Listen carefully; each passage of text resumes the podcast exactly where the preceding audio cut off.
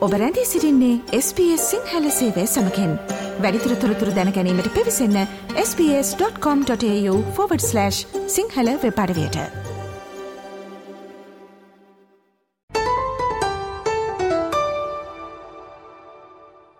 SBS Sinhala ගුවන් යුතුලියෙන් ගිම්හන නිවාඩුව වෙනුවෙන් ඔබට වැදගත් තොරතුරු ගෙන අතරේ පසුගේ වැඩසටහනකින් අපි ඔස්ට්‍රේලියාවේ බැක් පැකින් සංචාරයක් සැලසුම් කරන කෙනෙක්ට වැදගත් සාකච්ඡාවක් ඔබ වෙත ගෙනාව ඔබට මතක ඇති. බැක්පැකින් සංචාරයක් සඳහා ජනප්‍රිය ගමනාන්ත මොනවද බැක්පැකින් සංචාරයක් සැලසුම් කළ යුත්තේ කොයි ආකාරයකටද කියන මේ තොරතුරු ඒ සාකච්ඡාවෙන් අපි ඔබ වෙත ගෙනවා. ඉතින් ඒ සාකච්ඡාවෙම දිගුවක් විදියට මේ බැක්පැකින් සංචාරයකදී ඔබ ගෙනියන බැක්පැක් එක එහෙම නැත්නම් ඔබේ ගමන් මල්ල සූදානම් කිරීමේදී ඔබ සැලකිලිමත් විය යුතු කරුණු කාරණා. ඒ වගේම මේ වගේ ගමනකදී ඔබේ ආරක්ෂාව පිළිබඳ සැලකිලිමත් විය යුතු කාරණා ගැනත් අවධානය යොමු කරන්නයි අද දවසේ අප සූදානම් වන්නේ. අද දවසේත් අප සමග මේ සාකච්ඡාවට සම්බන්ධ වන්නේ මෙල්බර්න් විශ්වවිද්‍යාලයේ පරිසර පද්ධති හා වනන්තර විද්‍යාංශයේ පශ්චාත් උපාධි අපේක්ෂිකාවක්. ඒ වගේම පරිසර වේදිනියක් වන සෞම්‍යා වන්‍යාරච්චි. ඉතින් ආයිබෝන් කියලා පිළිගන්නවා සෞම්‍ය ඔබව SBS සිංහල ගුවන් විදුලියට. අයිබෝන් අතිනි ඔවු සෞම්‍ය සාමාන්‍ය ගමනක් යද්දි ගමන් මල්ලක් සූදානම් කරනවා වගේ නෙමෙයිනි බැක්පැකින් සංචාරයකට ගමන් මල්ලක් සූදානම් කරන එක එක හත් පසින්ම වෙනස් සැලසුම් සහගතව කළ යුතු දෙයක්. ඒ නිසා අපි මුලින්ම ඒ ගැන කතා කරමු. අපි මේ ඕස්ට්‍රේලියාවේ බැක්පැකින් සංචාරයක් සඳහා අපේ ගමන් මල්ල සූදානම් කරන්න සැලසුම් කළ යුත්තේ කොහොමද? ඔව් අතිනි ඔබ කිව්වා වගේ මේකට ටිකක් කාලය අරගෙන හොඳ අවධානයෙන් අපි මේ අපේ ගමන් මල්ල සූදානම් කරගන්න වෙනවා. සාමාන්‍යයෙන් මම බැක්පැකින් සංචාරයක් යනකොට කරන එක දෙයක් තමයි දිග කොලයක් අරගෙන පෑනකුත් අරගෙන මම සංචාරය යන දවස් ගාන ඒ කියන්නේ අපි හිතමු දැන් මම සඳුදා අඟහරුවාදා බදාදා බ්‍රහස්පතින්දා සිකුරාදා දවස් පහේ නම් සංචාරය යන්නේ මම වගුවක් ගහ ගන්නවා ඒ ඒ දවසට අදාළව. ඒ කියන්නේ සඳුදා දවසට එක තීරුවක්, අඟහරුවාදා දවසට එක තීරුවක් ඒ විදිහට ඉස්සෙල්ලා වෙන් කරගෙන ඊළඟට ඒ දවස ඇතුළත උපරිම උෂ්ණත්වය, අවම උෂ්ණත්වය ඒ දවස ඇතුළත වහිනවද?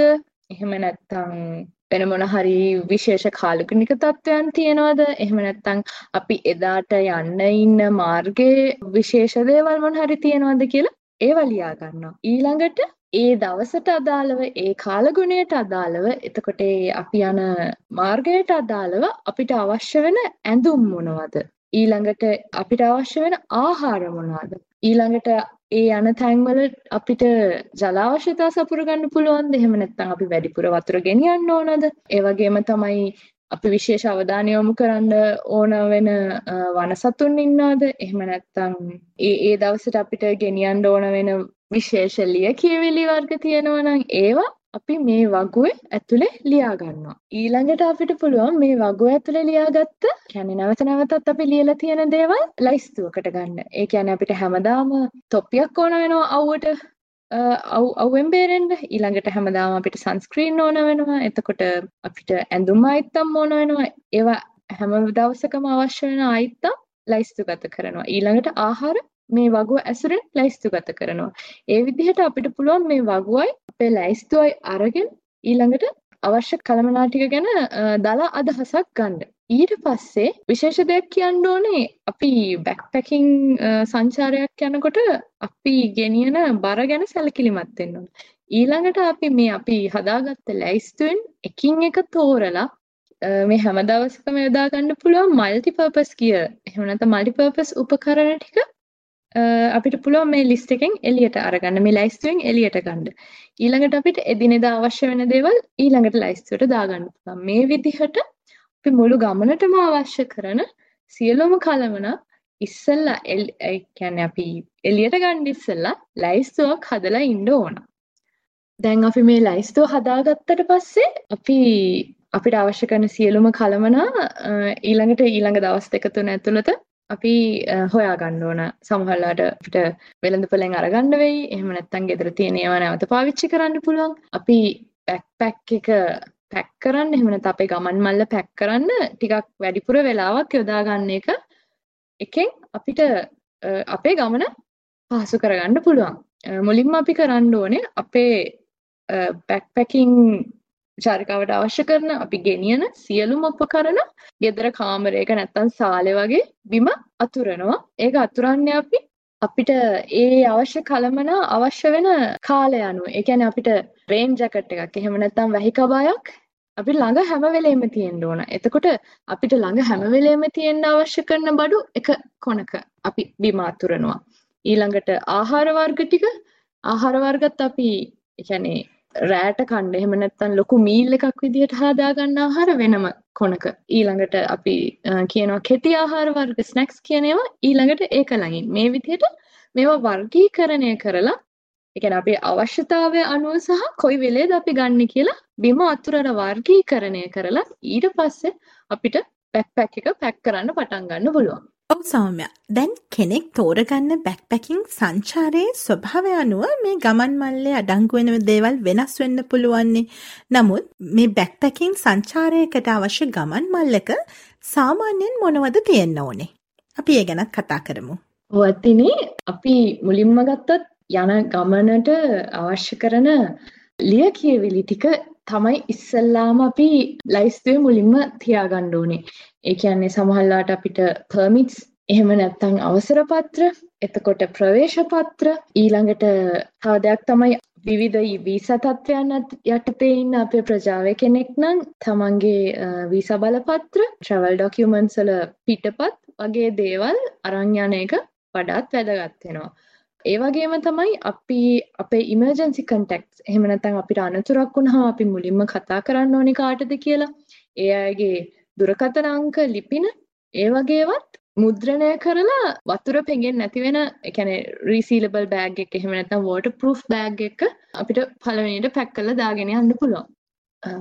අපි කලින් සතියේ කතා කරා වගේ GPS උපකරණ ඒ වගේම ගොඩාක් දුර ගමනක් යනවා නම් ස්පොට් ඩිවයිස් එකක් වගේ එකක් අපිට අරන් යන්න පුළුවන් මේ ස්පොට් ඩිවයිස් එකෙන් කරන්නේ චන්ද්‍රිකා චන්ද්‍රිකාවලට එහෙම නැත්නම් සැටලයිට්ස් වලට සම්බන්ධ වෙලා අපිට යම්කිසි අනතුරක් වුණොත් අපි ඉන්න ස්ථානයේ SOS පණිවිඩයක් ලෙස අදාළ අංශවලට ලබා දෙනවා අපි ඉන්න ස්ථානයේ GPS කෝඩිනේට්ස් එක්ක. ඒ වගේම තමයි අපේ ජංගම දුරකථනය අන්ලොක් කරලා ඒ කියන්නේ අපේ ඉමර්ජන්සි රෙස්පොන්ස් එකකට එන කෙනෙක්ට පහසු වෙන විදිහටත් හදලා තියාගන්න.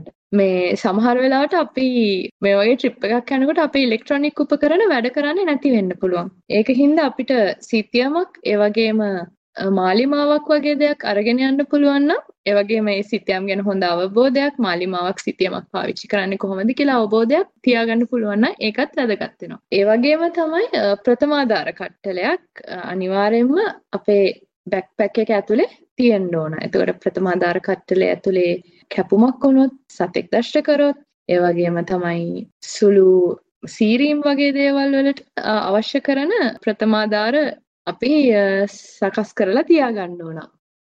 තව එකක් තමයි අපි ගොඩක් වෙලාට මේ වගේ බැක්පැකින් සංචාරයක් යනකොට රැයක් දෙකක් යම්කිසි තැනක නවතිනවා. සමහර වෙලාවට ඒ තැන්වල විදුලි ආලෝකය තියෙන්නත් පුළුවන් නැති වෙන්නත් පුළුවන්. ඒක හින්දා හෙඩ් ටෝච් එකක් එහෙම නැත්නම් ෆ්ලෑෂ් ලයිට් එකක් මතක් කරලා අරගෙන යන්න. ඒ වගේම තමයි ෆයර් ස්ටාර්ටර්ස්. ඒ කියන්නේ අපිට ගිනි දල්වන්න පුළුවන් කුඩා උපකරණ තියෙනවා. හදිස්සියවත් අපි ඉන්න තැන විදුලිය නැති වුණොත් එහෙම නැත්නම් අපි ඉන්න තැන ගිනි මැලයක් පත්තු කරන්න පුළුවන්කම තියෙන තැනක් නම් අපිට ෆයර් ස්ටාර්ට් එකක් අරන් ගියාම ලේසියෙන්ම සීතල රාත්‍රියක නම් ගිනි මැලයක් හදාගන්න පුළුවන්. ඒ වගේම තමයි අපිට වෙළඳපොලේ ගන්න තියෙනවා ඉමර්ජන්සි බ්ලැන්කට්ස්. එහෙම නැත්නම් ස්පේස් බ්ලැන්කට්ස් කියලා කියනවා. අපිට හදිස්සි අනතුරකට භාජනය වුණොත් ගොඩක් වෙලාවට කම්පනය නිසා අපේ ශරීරයේ උෂ්ණත්වය පහත බහින්න පුළුවන්. ඒක නැති කරගන්න මේ ස්පේස් බ්ලැන්කට්ස් එහෙම නැත්නම් ඉමර්ජන්සි බ්ලැන්කට්ස් පාවිච්චි කරන්න පුළුවන්. ඉතින් මේ වගේ එකක් අරගෙන යනවා නම් හදිසි අනතුරකදී ඔබට එහෙම නැත්නම් ඔබේ ගමන් සගයන්ව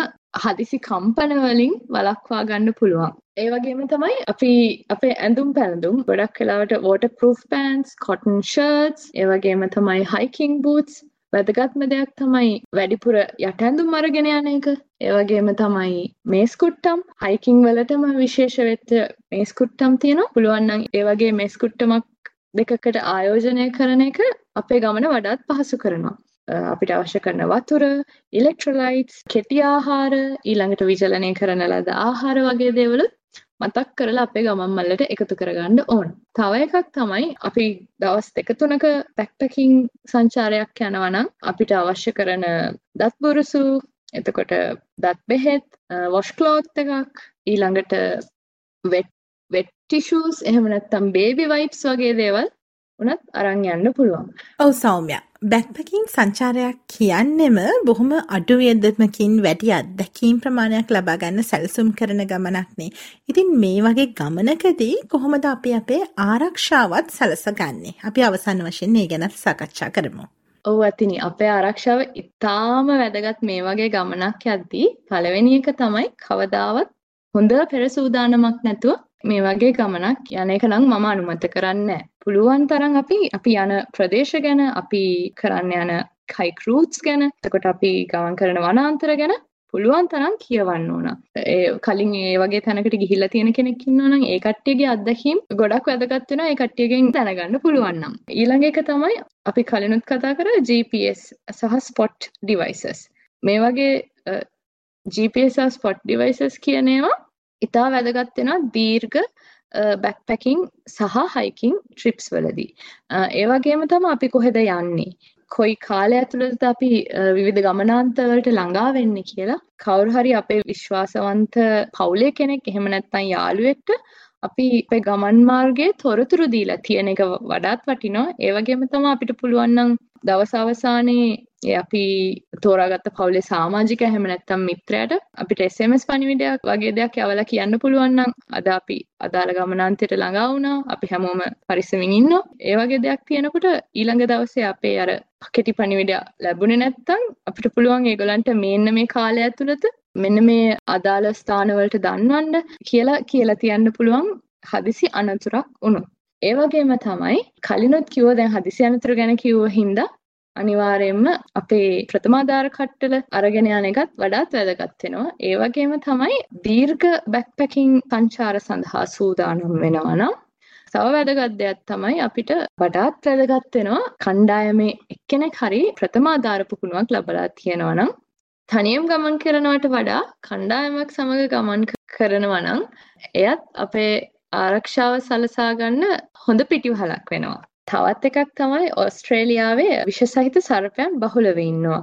ඉතින් මේ වගේ ගමනක් යනකොට මේ වගේ සතුන් ගැනත් හොඳ අවධානයකින් ගමන යනවා නම් අපිට වඩාත් ආරක්ෂිතව අපේ බැක්පැකින් චාරිකාව නිමා කරන්න පුළුවන්. මේ විදිහට අපේ ගමන් මල්ල අසුරගෙන ආරක්ෂාව ගැනත් හොඳ අවධානයකින් බැක්පැකින් ගමනක් සැලසුම් කරගත්තොත් මේ ග්‍රීෂ්ම කාලේ රසවත් සංචාරක අත්දැකීමක් ඔබටත් විඳගන්න පුළුවන්. ඔව්. අද දවසේ අප කතාබහ කරමින් සිටියේ බැක්පැකින් සංචාරයකදී ඔබේ ගමන් මල්ල සූදානම් කරගන්නේ කොහොමද? ඒ වගේ මේ වගේ ගමනකදී ඔබේ ආරක්ෂාව පිළිබඳ සැලකිලිමත් විය යුත්තේ කොහොමද කියන කාරණා සම්බන්ධවයි. අද දවසෙත් මේ සාකච්ඡාවට අප සමග සම්බන්ධ වුණේ මෙල්බන් විශ්වවිද්‍යාලයේ පරිසර පද්ධති හා වනාන්තර විද්‍යාංශයේ පශ්චාත් උපාධි අපේක්ෂිකාවක් මෙන්ම පරිසර වේදිනියක් වන සෞම්‍යා වන්‍යාරච්චි. ඉතින් සෞම්‍යා ඔබට බෙහෙවින්ම ස්තුතිවන්ත වෙනවා මේ කරුණු කරනා SBS සිංහල ගුවන් විදුලිය සමඟ බෙදා හදා ගැනීම සම්බන්ධයෙන්. ස්තුතියි අතිනි.